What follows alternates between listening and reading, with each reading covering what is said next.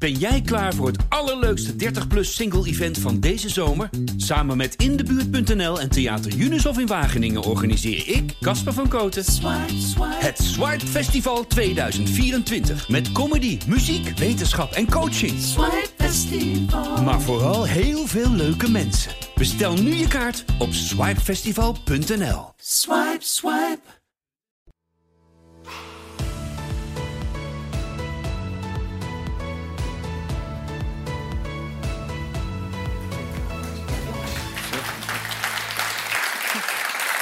Goedemiddag allemaal. Welkom bij de allerlaatste aflevering van Van Torentje naar Torentje. De afgelopen twee weken hebben we hier uh, negen lijsttrekkers ontvangen. En zometeen komt daar de tiende nog bij, Rob Jette, lijsttrekker van D66. Ik mag vandaag het interview doen. Mijn naam is Kelly Adams, ik ben journalist van Tubantia. En natuurlijk doe ik dat niet alleen. Dat doe ik met mijn collega Arleen Slot, ook van Tubantia. Kom je erbij, Arleen? Jazeker. Welkom. Dankjewel. Jij hebt je verdiept in Rob Jetten de afgelopen dagen. Ja, heb je wat heb eh, leuks eh, gedaan. Ja, heb je wat leuks over hem ontdekt? Van alles, maar dat gaan jullie vanzelf zien straks. Nou, we zijn benieuwd. En dan hebben we ook nog eh, Pieter Boerman van de Universiteit Twente. Welkom Pieter. Wat doe jij bij de universiteit? Ik werk bij het eh, Pre-University-programma. Dat is een schakel tussen universiteit en eh, middelbare scholen, basisscholen... om leerlingen te helpen met goede studiekeuzes. Oké, mooi. We gaan onze gasten bijhalen. Dat is vandaag eh, Rob Jette, lijsttrekker van D66. Welkom.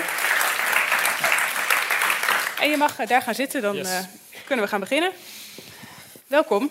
Fijn dat je bij ons bent als eh, laatste gast in, eh, in, deze race, in deze reeks. Je vliegt van hot naar her. Je vertelde net, je komt rechtstreeks vanuit de ministerraad. Want dat Ja. gaat natuurlijk ook nog gewoon door als, eh, als minister van Klimaat. Ehm, en gisteravond zat je bij op 1 en je verzuchtte nog 120 uur.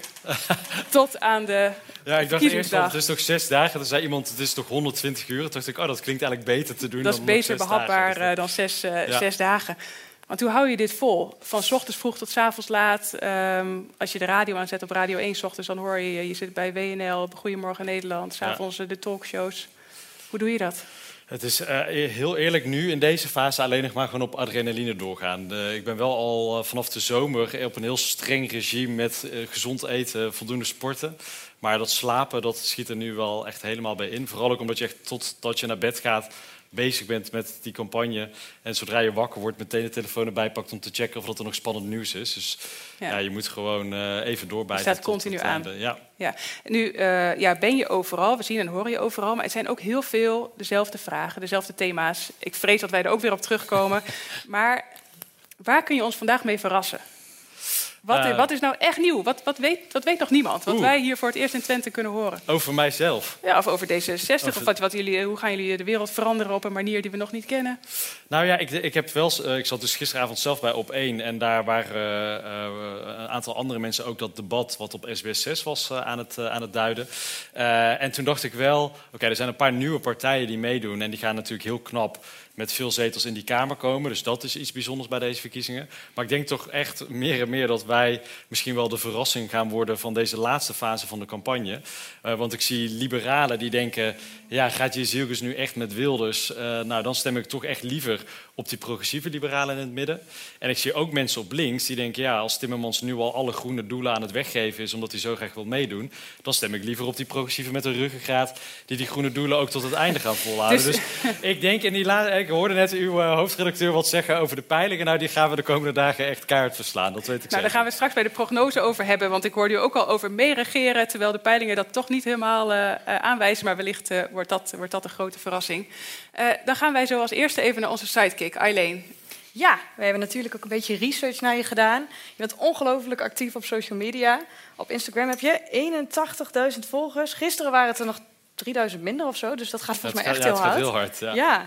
Ehm, je hebt ook 1700 berichten gepost. Dat is eh, gigantisch. Veel van die berichten gaan natuurlijk over je campagne, over je politieke plannen voor Nederland. Eh, maar we zien ook een aantal foto's van jouw harige vriend.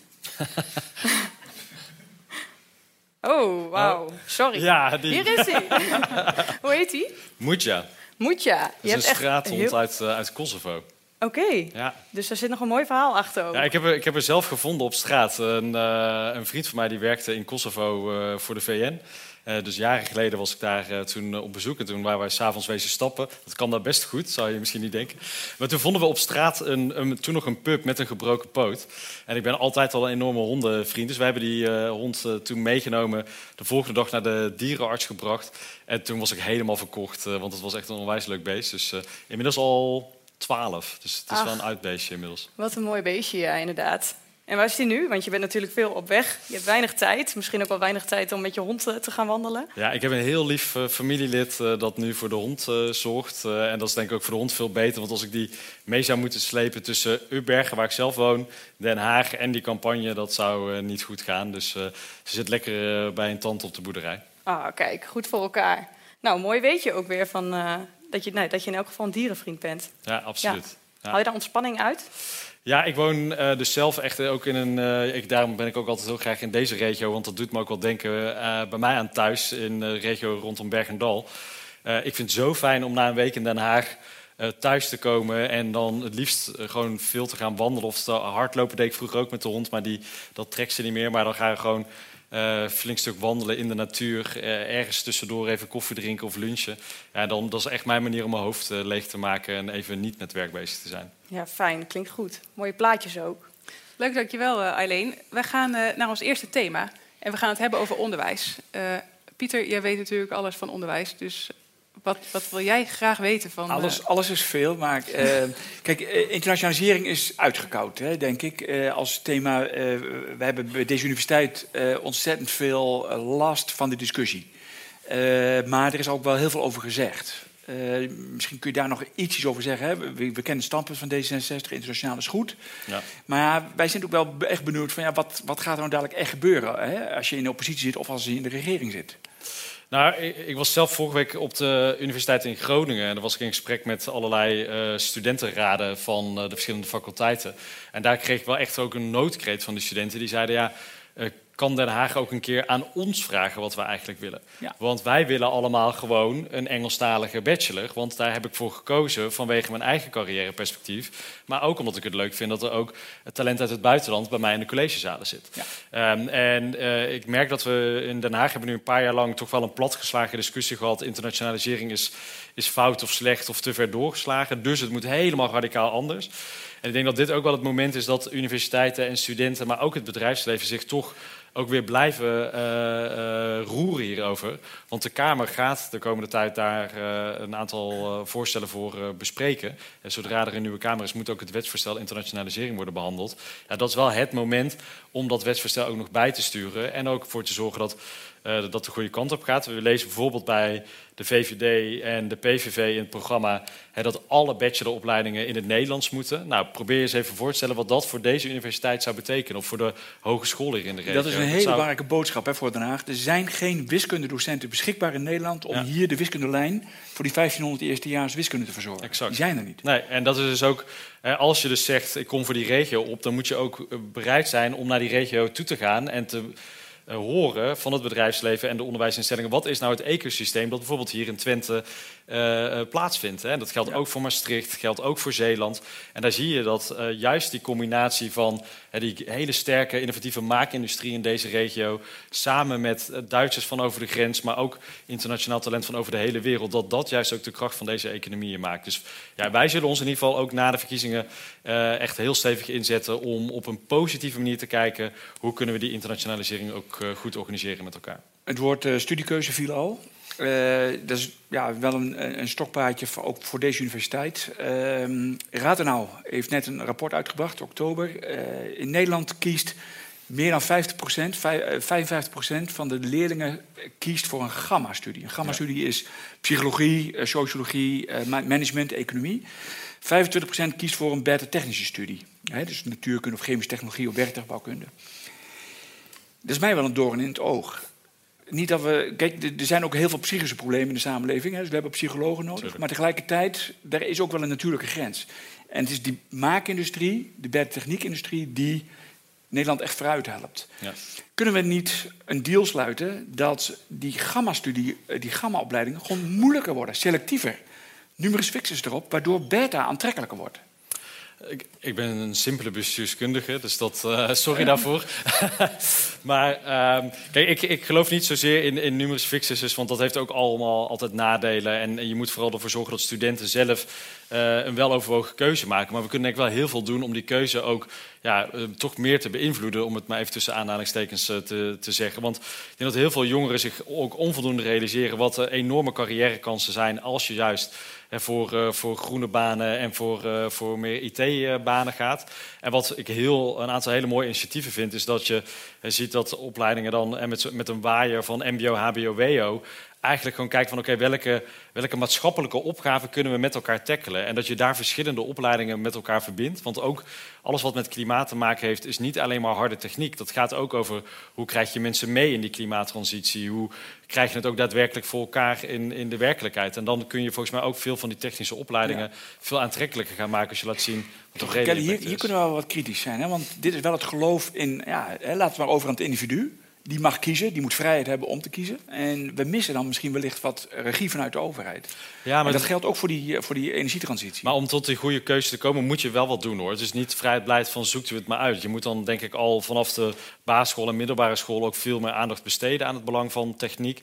Jongeren daar veel eerder mee in, in aanraking eh, brengen. En ik uh, ben een tijd geleden in de achterhoek geweest, waar ze op de ROC's eigenlijk een hele simpele manier hadden gevonden om jongeren veel meer voor de technische opleidingen te laten kiezen. Want daar merkte dat ouders vaak dachten: ga maar iets studeren waar je later een pak aan moet, want dan zul je wel een goed salaris krijgen. En om dan bij de open dag voortaan gewoon het startsalaris en het salaris na vijf jaar heel groot te communiceren. Ja. En toen hadden ze gewoon in één jaar al meer aanmeldingen voor de technische opleiding, omdat die ouders zeiden: nee, je moet dat gaan doen. En dat is namelijk veel beter voor je toekomst. Dus daar mag je, vind ik ook wel als overheid en onderwijsinstellingen wel wat meer aan nudging doen om ook tot die goede keuze te komen. D66 schrijft daar weinig over in het verkiezingsprogramma, hè, om die studiekeuzes te beïnvloeden. Uh, toch, hè, dit zijn wel goede ideeën. Ja, dan, uh, ja, kijk, we hadden al 210 pagina's verkiezingsprogramma, dus misschien zijn we op een gegeven moment gestopt ja. met ideeën toe te voegen. Maar ik, uh, ik neem het mee, uh, dank. Ja. Je, je, zei onlangs in een interview in de Volkskrant, er werd gevraagd van wat zou je als eerste veranderen als je woensdag de meerderheid haalt en toen je eentje mag beslissen. En toen zei je onderwijs. Onderwijs, ja. daar begint alles. wat is dan het eerste wat je zou veranderen? Um, toch ook echt het leraartekort. Uh, want wat, als je nu naar heel Nederland kijkt, dan zijn er ongeveer 10.000 vacatures voor leraren. In de grote steden uh, is 15% van de posities niet ingevuld. En het is bijna onmogelijk om uh, dat op korte termijn op te lossen. En dat betekent dat je in dit land wordt gewoon door je postcode bepaald hoeveel kansen je hebt om goed te leren rekenen, de taal goed te beheersen. Maar wat, wat kun je eraan doen? Nou, wat je, ehm, er zijn een paar dingen die je moet doen. Je moet denk ik ervoor zorgen dat mensen vaker kiezen voor die PABO-opleiding. nudging doe je daar door bijvoorbeeld de PABO gratis aan te bieden. Door ook de versnippering van de PABO's aan te pakken met de Nationale Lerarenacademie.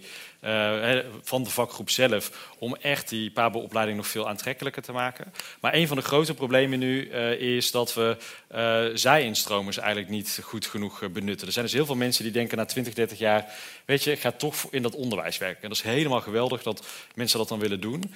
Maar dan zie je vaak ook dat ze na drie jaar weer afhaken, omdat ze de werkdruk hebben onderschat of onvoldoende begeleiding krijgen in het begin. Dus wij stellen voor een, een lerarenbeurs, dat als je wil switchen dat je dan een tijd lang ook financiële compensatie krijgt, zodat je ook makkelijker van je bestaande beroep naar dat praktische Want er zit natuurlijk heel wat tussen, tussen het lerarensalaris en ja. het salaris uit bedrijfsleven in sommige gevallen. Ja, we hebben wel ook uh, afgelopen jaren, dat heb ik gisteren toen ik dat bij op 1 zei, toen viel Sven Kokkelman bijna van zijn stoel af, maar 1800 euro bruto per maand is er bijgekomen nou, de afgelopen jaren. Dus dat, dat vroeg me af, dat hoor ik u heel veel zeggen.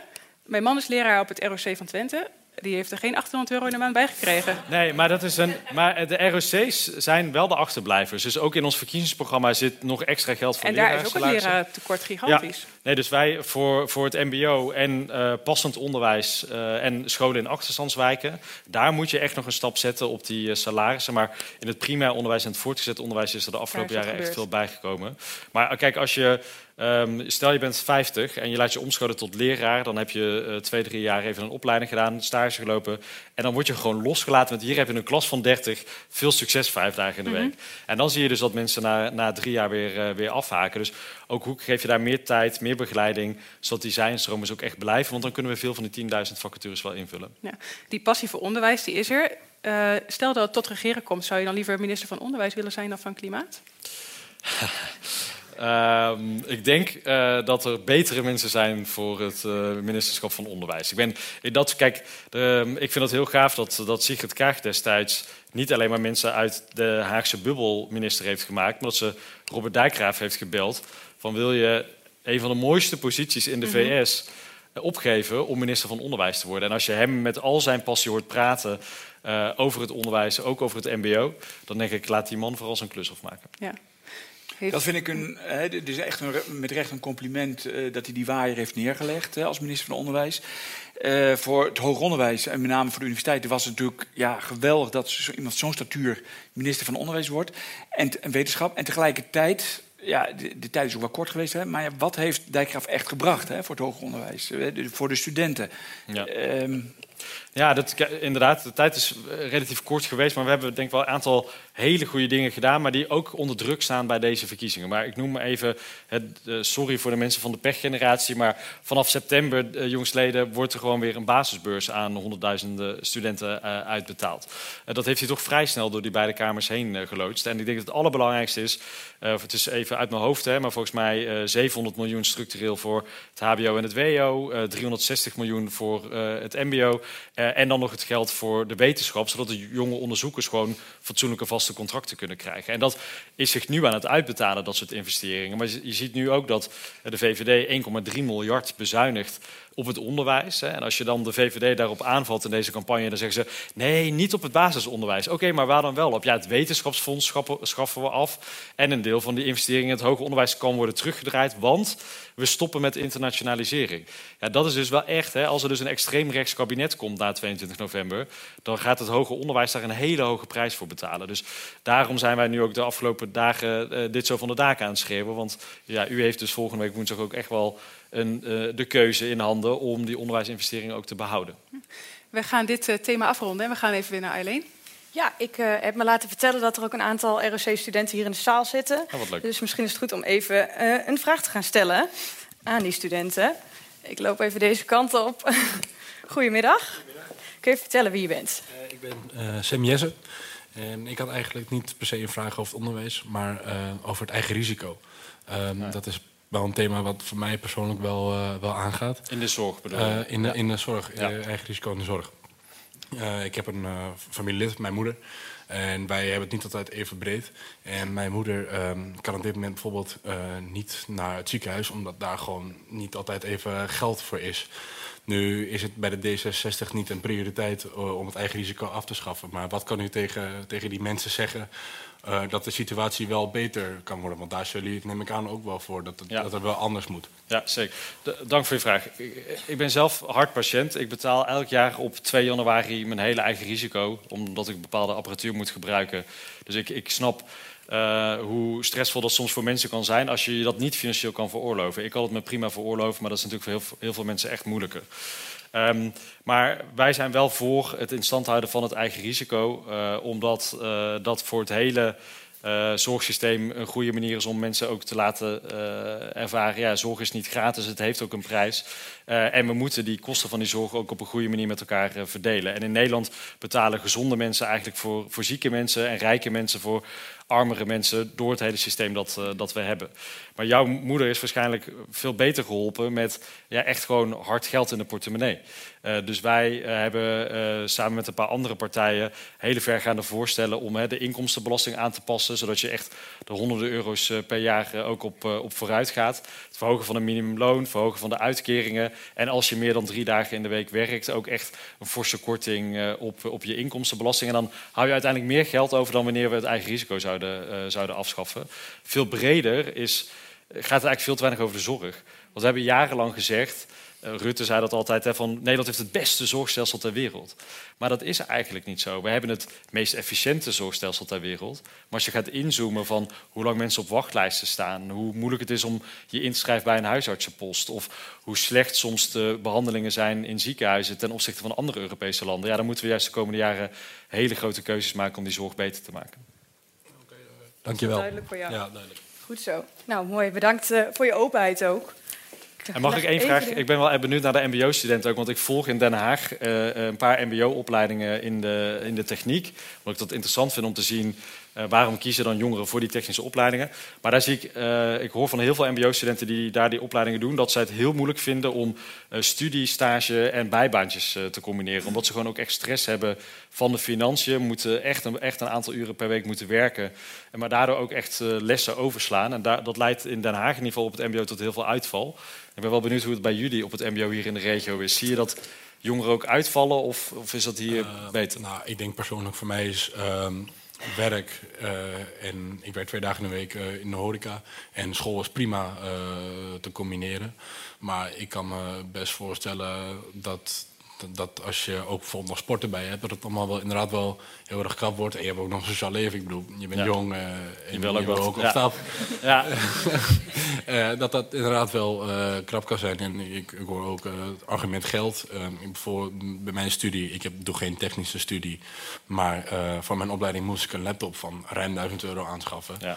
daar moet ik een lening dan voor aanschaffen. Ik zou graag bijvoorbeeld anders zien dat ook leermiddelen, um, ook op de middelbare school, liep ik ook tegen dat probleem aan. Er moet een iPad komen. Ja. Um, nou, daar moet gewoon voor betaald worden, terwijl boeken wel gratis zijn. Terwijl ik denk dat iPads en laptops tegenwoordig net zo belangrijk, net zo, zijn. Net zo belangrijk zijn. Ja. Dus ik denk dat daar ook een alternatief uh, voor moet komen. En Zo'n vergoeding moet ja. voor moeten ja. komen. Vind ja, dit is dus, uh, die, die school die ik volg in Den Haag is het moeten aanschaffen van een iPad of een laptop. Een van de redenen waarom mensen soms al na de eerste maand stoppen met zo'n opleiding. Dus daar moeten we ook goed naar kijken. Dat is uh, mooi. Dankjewel voor het delen. Ja. Top. Gaan we nog even door naar ja, een toch wel wat pijnlijke onderwerp, kan ik zeggen. Als lijsttrekker heb je veel te maken met uh, homohaat. Net als veel anderen in dit land. Je hebt in 2020 daar ook een video over gemaakt. Uh, jij las een aantal van die haatreacties op social media voor. Ja. Um, we gaan even een fragmentje uit die video laten zien. Um, het is vrij grof, maar ja. dat weet je zelf ook. Sorry ervoor, het zijn niet mijn teksten. Nee, jij leest het voor natuurlijk. Ja. Jij leest voor wat je op social media nou ziet voorbij komen. Ja. Kan die kanker-homo-robot Jetten even het klimaat aanpassen? Achterlijke flikker, stinkhomo.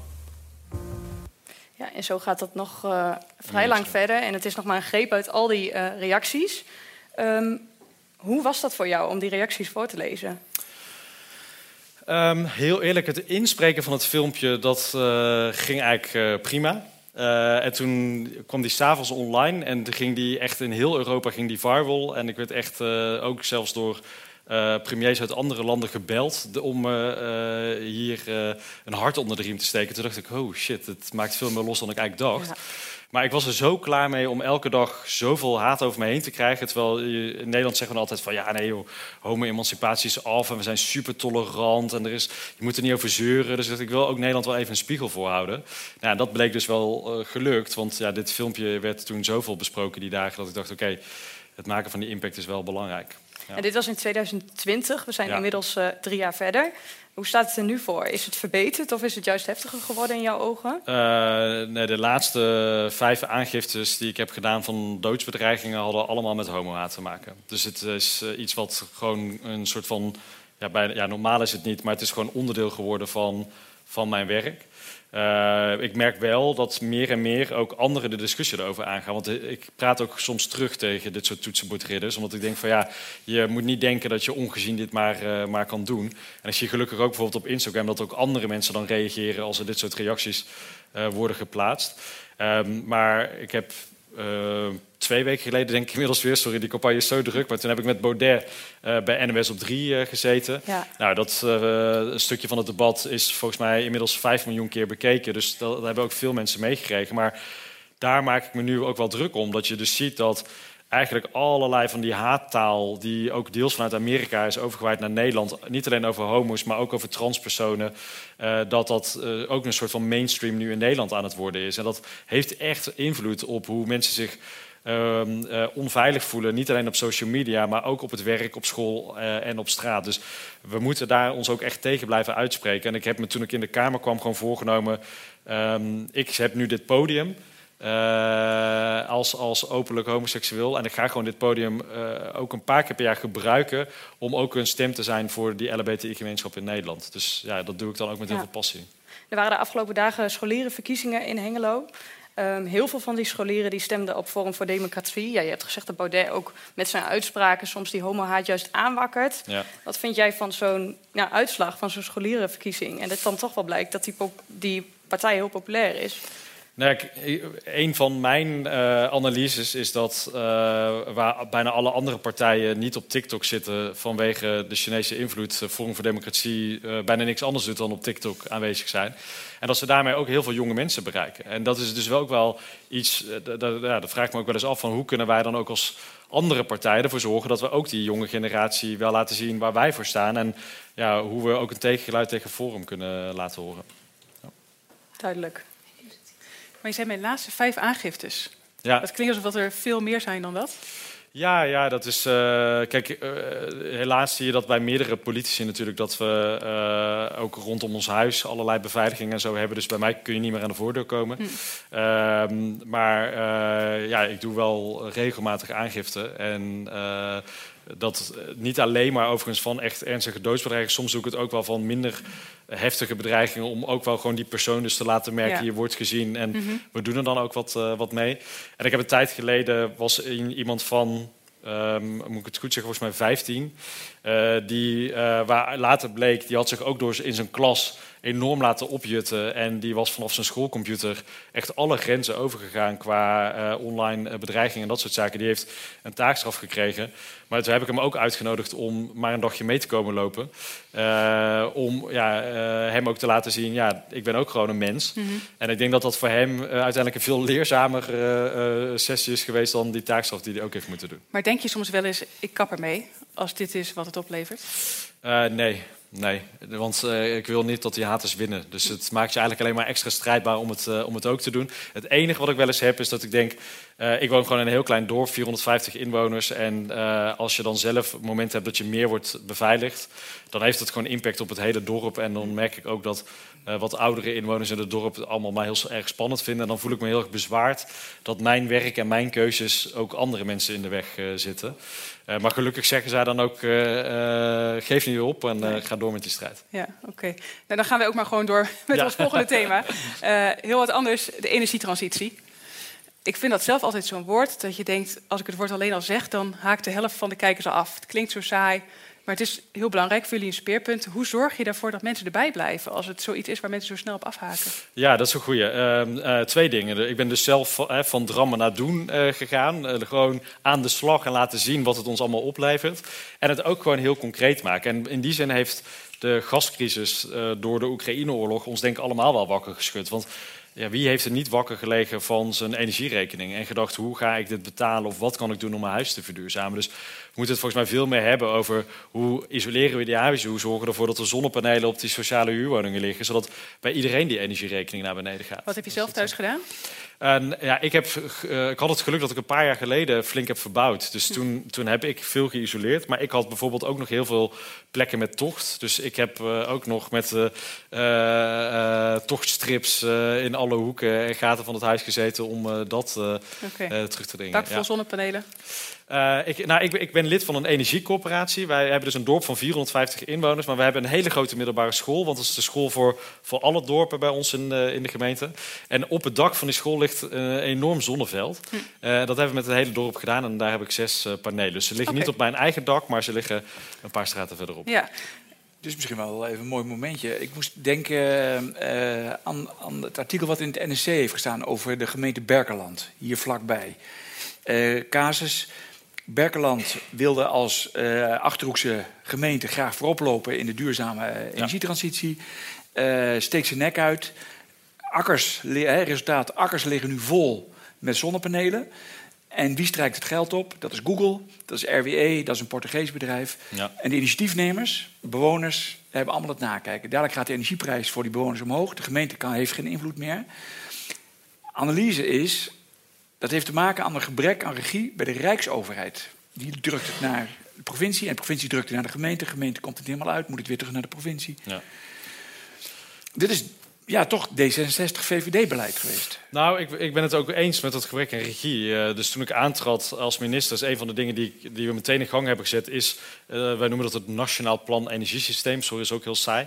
Maar daarin uh, hebben we beschreven hoe we in tien jaar tijd naar een volledig CO2-vrij energiesysteem willen in, in Nederland, of elektriciteitssysteem. Um, en wat je dus als Rijk doet, is wij gaan veel meer aanwijzen op welke plekken je wat doet en ook sommige dingen niet doet. Ik heb samen met Hugo de Jonge uh, strengere regels gemaakt voor de uh, inpassing van, uh, van zon. samen met de staatssecretaris van INW nieuwe normen voor windmolens nu in, in ontwikkeling. En een van de dingen um, die denk ik mis is gegaan de afgelopen jaren... is dat we hadden een hele mooie ambitie dat van dit soort energieprojecten op land... dan was het streven 50% moet in lokaal eigendom. Uh, maar ik stelde ook meteen de vraag: ja, wie kan er dan op naleven als we dat niet halen? Nou, dat is eigenlijk alleen maar op blauwe ogen geloven dat het goed gaat. Dus we zijn nu aan het kijken van hoe kunnen we dat ook veel meer gaan afdwingen. Want kijk, dit kun je heel lelijk vinden.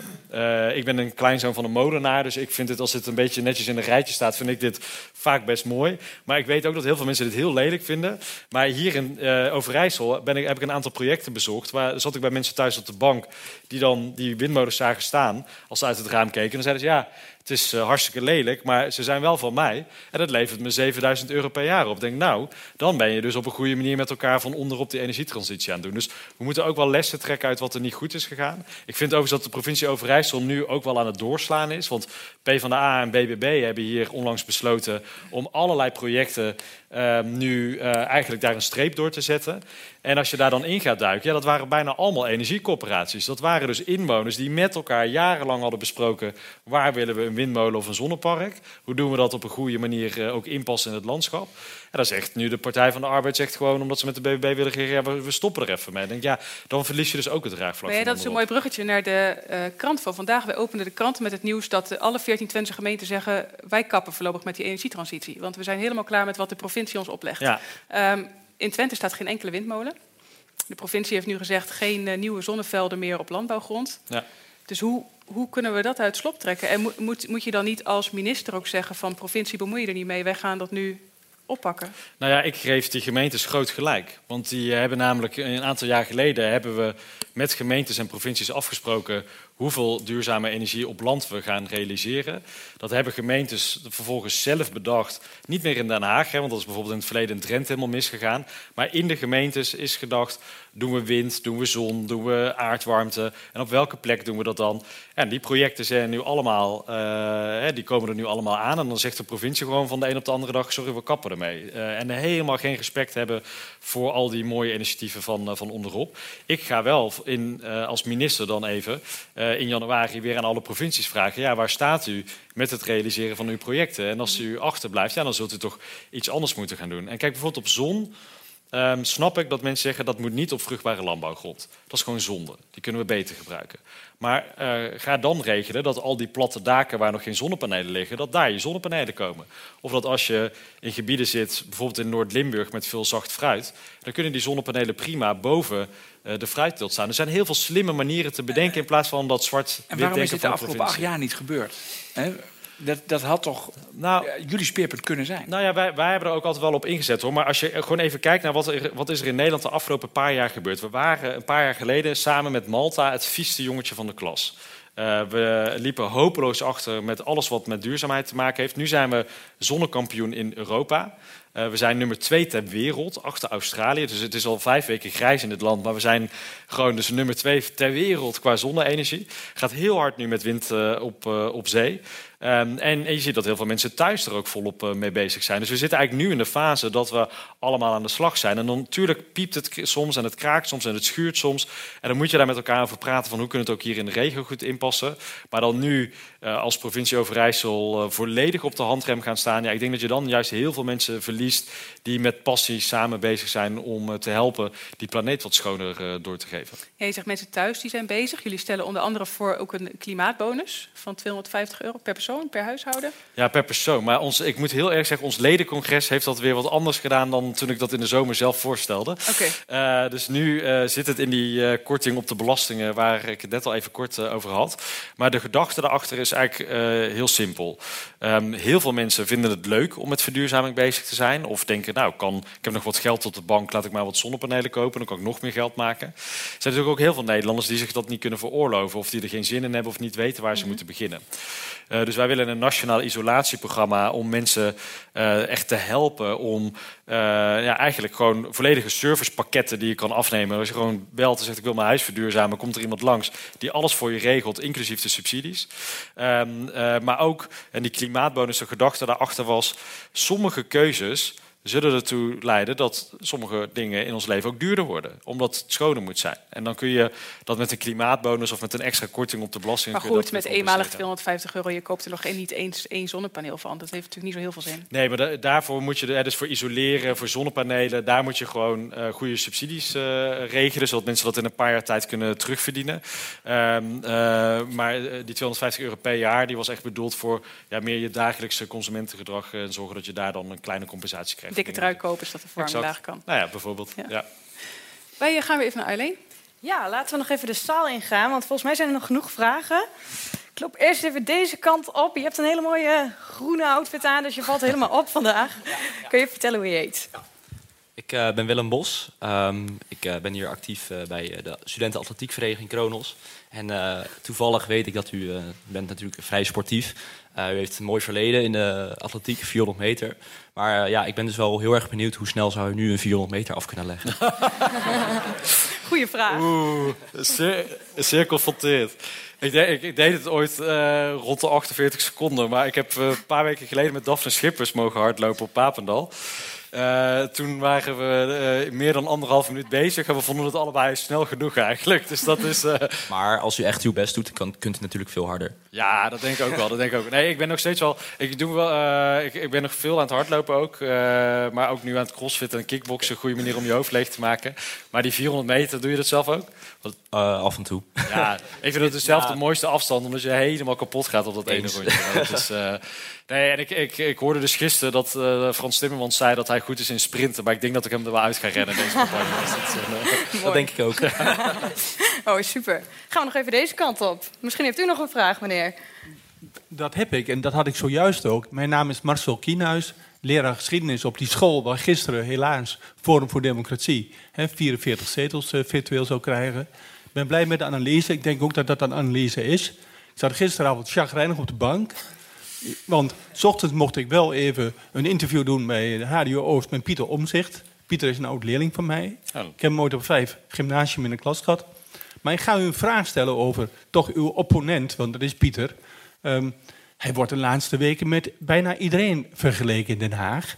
Ik blijf even in de 19e eeuw met Johan Rudolf Thorbecke, met um, Abraham Kuyper en God beter het zelfs met Hans van Mierlo. Ja. En ik wil u uitnodigen om op alle drie keuzes even te reflecteren. Oh. nou. nou, hoe ga ik dit samenpakken? Um, ja. Nou, kijk, uh, het, is, het is natuurlijk wel echt een fenomeen als je een nieuwe partij opricht en zo hoog in die peilingen staat. Dat is gewoon hartstikke knap.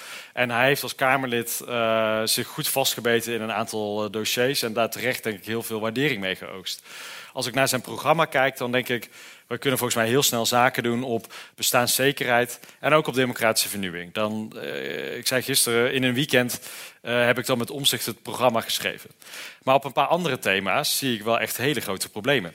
Als het gaat om uh, internationalisering en Europese samenwerking, staat hij niet bekend als heel erg voor die internationale blik. Op het gebied van klimaat, waar we het net over hadden, hij wil het klimaatfonds afschaffen. Nou, dan denk ik dat zijn keiharde knaken voor burgers en bedrijven om de komende jaren aan de slag te gaan met verduurzaming. Hoezo wil je dat afschaffen?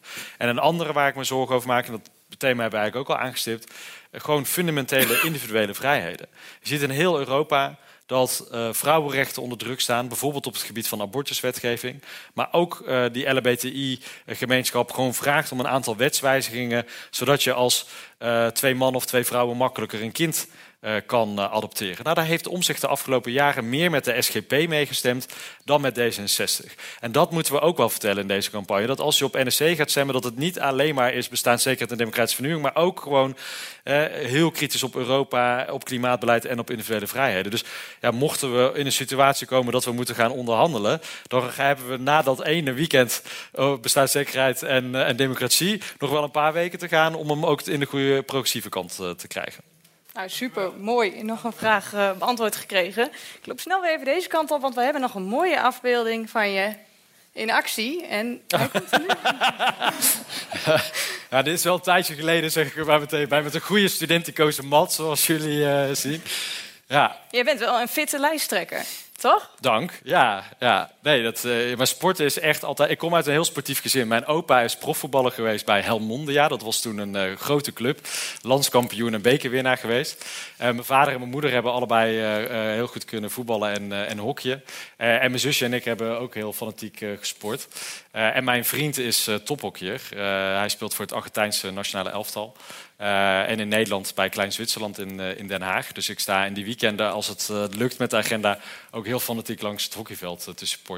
Ja, ik heb ook laten vertellen dat jij ongeveer vier uur per, per, nacht slaapt. En dat je soms je koffie onder de douche drinkt, zodat je meer tijd overhoudt voor andere dingen. Ja, ja ik, ik ben wel al heel lang een slechte slaper, maar het, doet me niet zoveel eigenlijk. Dus uh, ik ben gewoon heel vroeg wakker. En dan, ja, dan ga ik dus. Uh, uh, ik, zit in, ik woon in Nijmegen, maar door de week zit ik veel in Den Haag. En daar is de CrossFit-box is om zes uur open.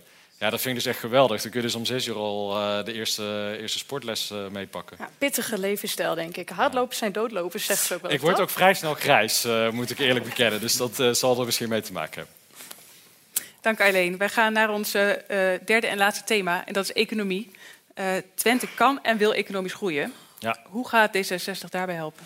Ja, ik Twente is echt een fascinerende regio. Ik ben uh, ook als minister hier de laatste tijd uh, vaak op werkbezoek geweest. Onder andere veel van de studententeams mogen ontmoeten. Zoals het robovoetbal of de elektrische motor die hier wordt ontwikkeld. De elektrische boot die wordt ontwikkeld.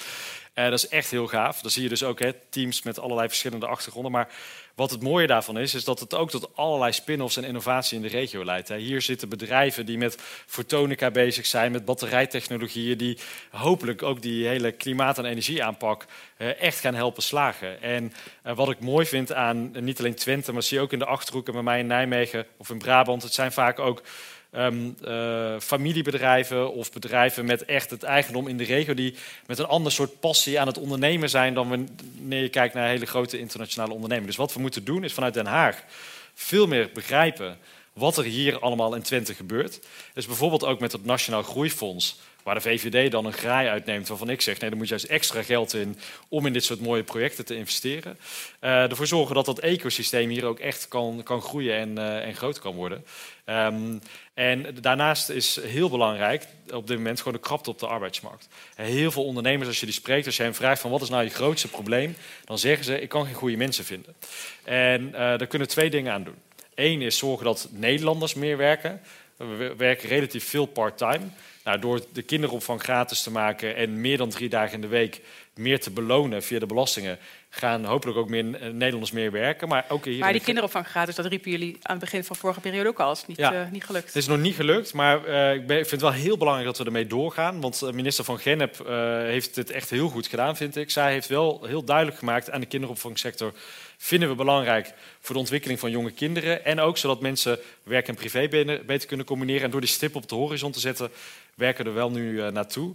Uh, het tweede wat we wel moeten doen in die grensregio, en dat weet ik ook als inwoner van de grensregio, die diploma's over en weer beter erkennen. Want er zijn waarschijnlijk heel veel mensen in Duitsland die graag in Nederland zouden willen werken, maar daar tegen allerlei problemen aanlopen. Maar misschien ook Nederlanders die net over de grens aan de slag zouden kunnen, maar dan uh, allerlei belastingvoordelen verliezen die wij allemaal wel hebben. En dat is enorm zonde, want daardoor wordt ook het economisch potentieel van de grensregio enorm beperkt. Vandaag stond in uh, Tubantia ook nog weer een mooi artikel hè, over de high-tech, regio Twente, regio Eindhoven. Nederland is natuurlijk op Europese schaal ook maar een regio. Ja, wij vinden het ontzettend belangrijk om vanuit die regio's goed samen te werken. Hè. Dit is wat Ank Bijleveld zegt, wat Jeroen Dijsselbloem zegt. Ja. Hoe kunnen we de Rijksoverheid toch nog weer meer verleiden om daar ook regie op uh, te pakken? Hè? Dus niet overlaten, maar juist echt goed stimuleren. Nou ja, ik, uh, uh, overigens wat heel interessant is ook om te zien... stages waar worden octrooien aangevraagd in Europa. En dan zie je dat Twente en Eindhoven staan gewoon echt in die Europese ranking... Uh, op allerlei technieken waarvan je niet wist dat dat ook in Twente en in Eindhoven zit. Um, maar ik ben met Eindhoven nu met een hele intensieve aanpak bezig. Misschien dat we dat hier in Twente ook moeten doen.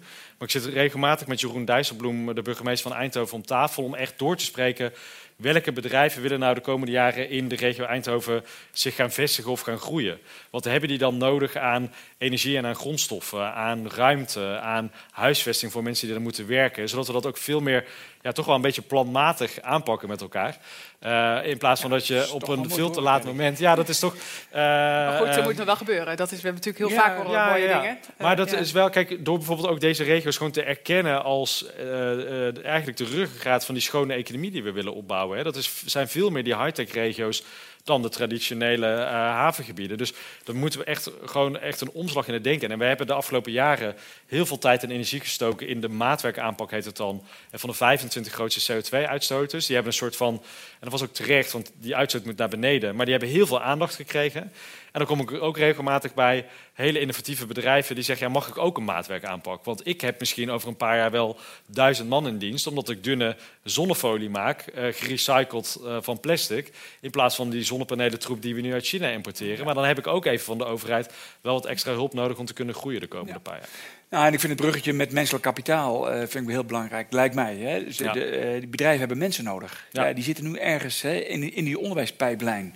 Of moeten ze daar nog toe krijgen naar de goede studies? Exact. MBO, HBO, WO. Dus, ja. en ook echt die wel aan, aan elkaar verbinden. Hè? Want je kunt hier in de regio hele knappe koppen op deze TU hebben, maar het moet ook gemaakt worden. Saxion is twee keer zo eh, groot. Ja, exact. exact. En dat is een heel mooi voorbeeld. Ik ben even de naam van de, van de instelling kwijt, maar zit in Rijssen.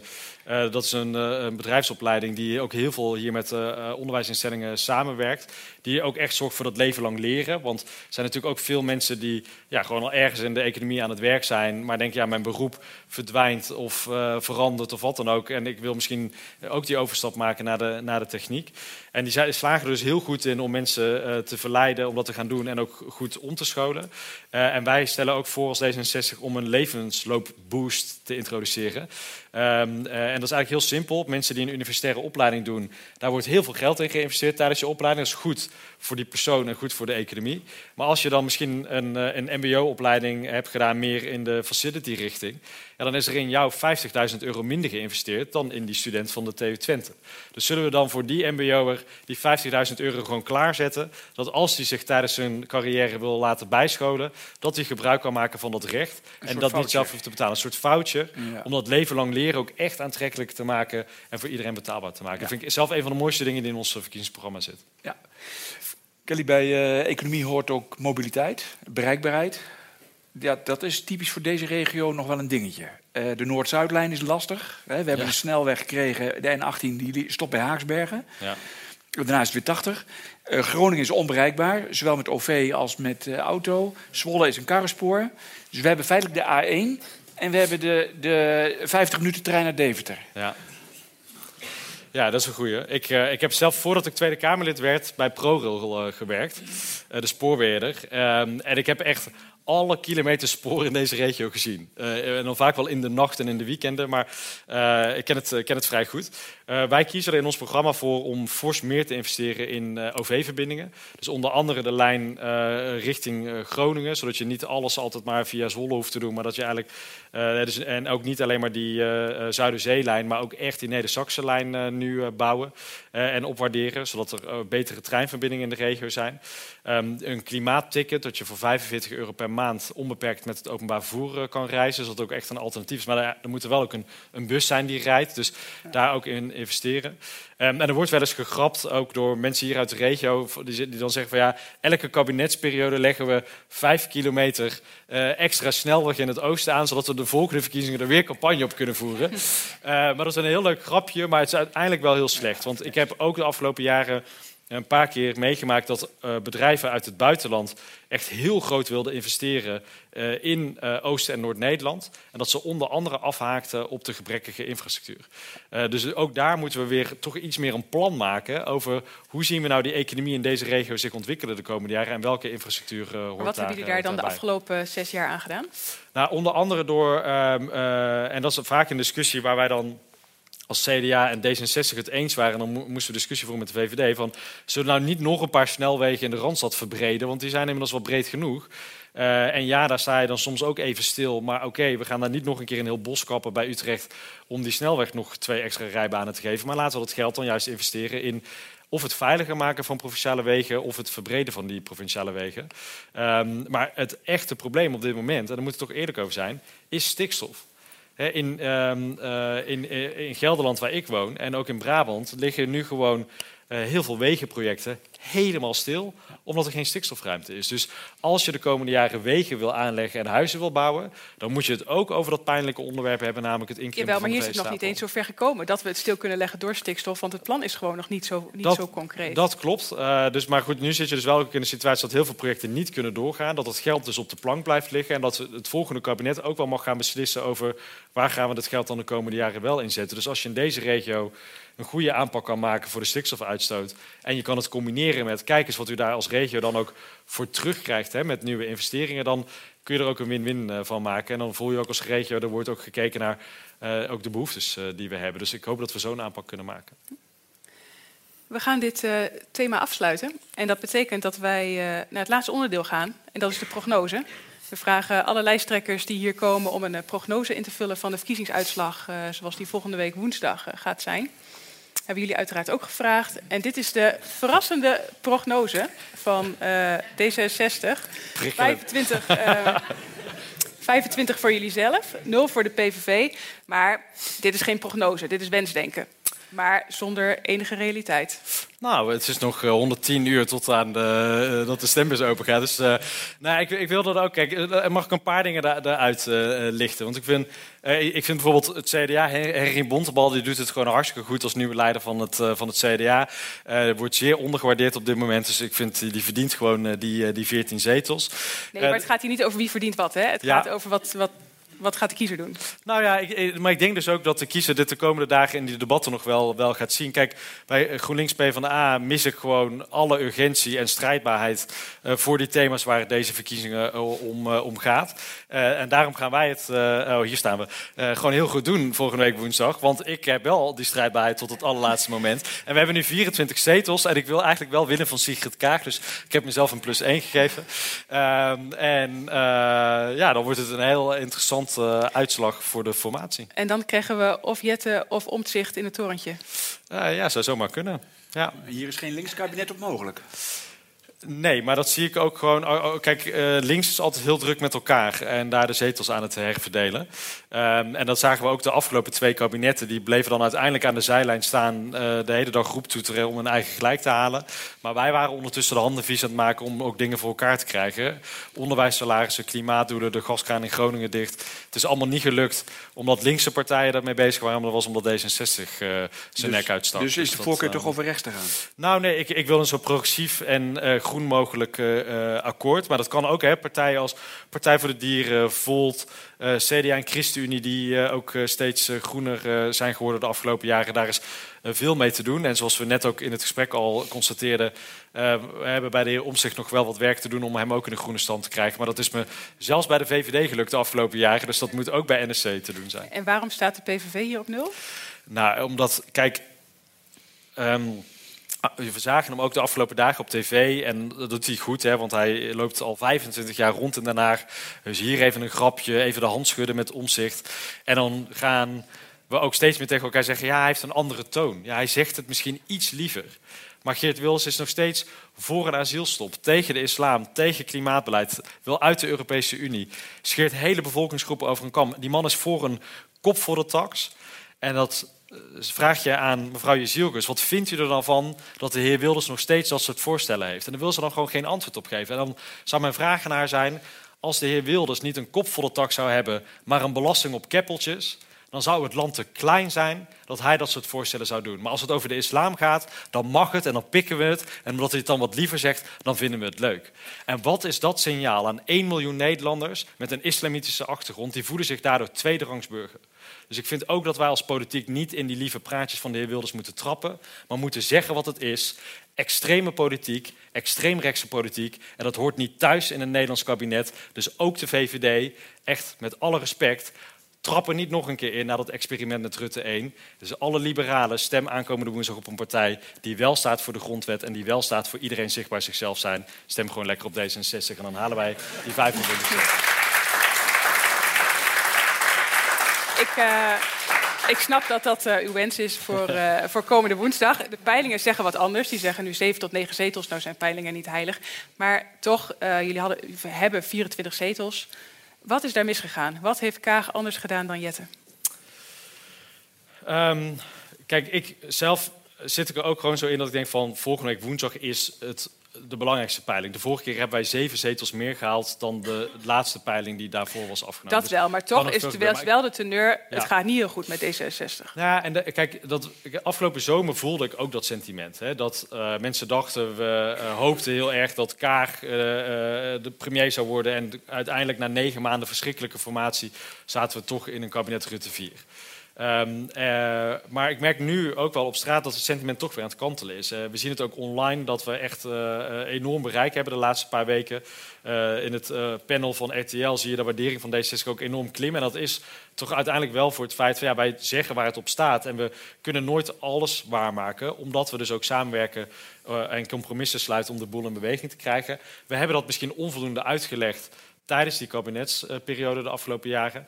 Maar ik merk dat het nu in de campagne toch eh, meer en meer begint uh, aan te slaan. En het is ook ja, gewoon mijn taak uh, om overal waar het kan dat, uh, dat te doen. En in tegenstelling tot een paar collega's kom ik wel opdagen bij het debat van het Noorden of het debat van het Zuiden. Mm -hmm. uh, en dan ga ik het gesprek met de zaal aan. En dan hoop ik dat dat ook uiteindelijk veel mensen overtuigt om woensdag ook weer hun vertrouwen aan, aan ons te geven. En dan gaan we na de 23e uh, wel evalueren wat de echte uitslag is geweest. Ja, maar het, doet het pijn om te zien hoe nu peilingen eruit zien en dat de VVD wellicht toch weer de grootste wordt en straks toch weer in dat torentje zit. En dat jullie daarvan de dupe zijn?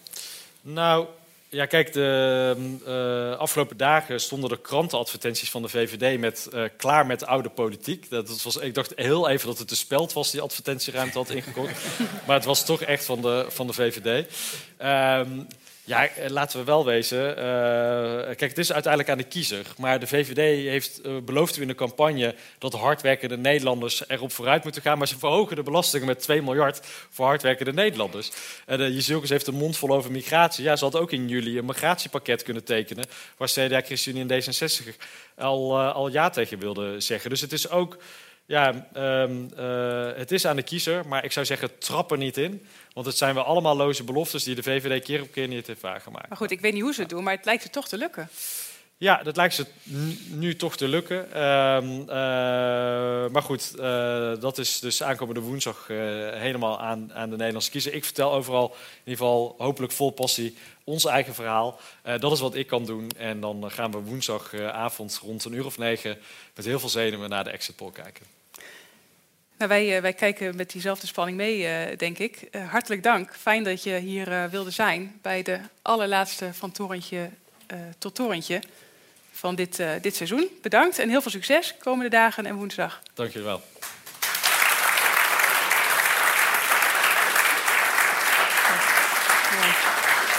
Dank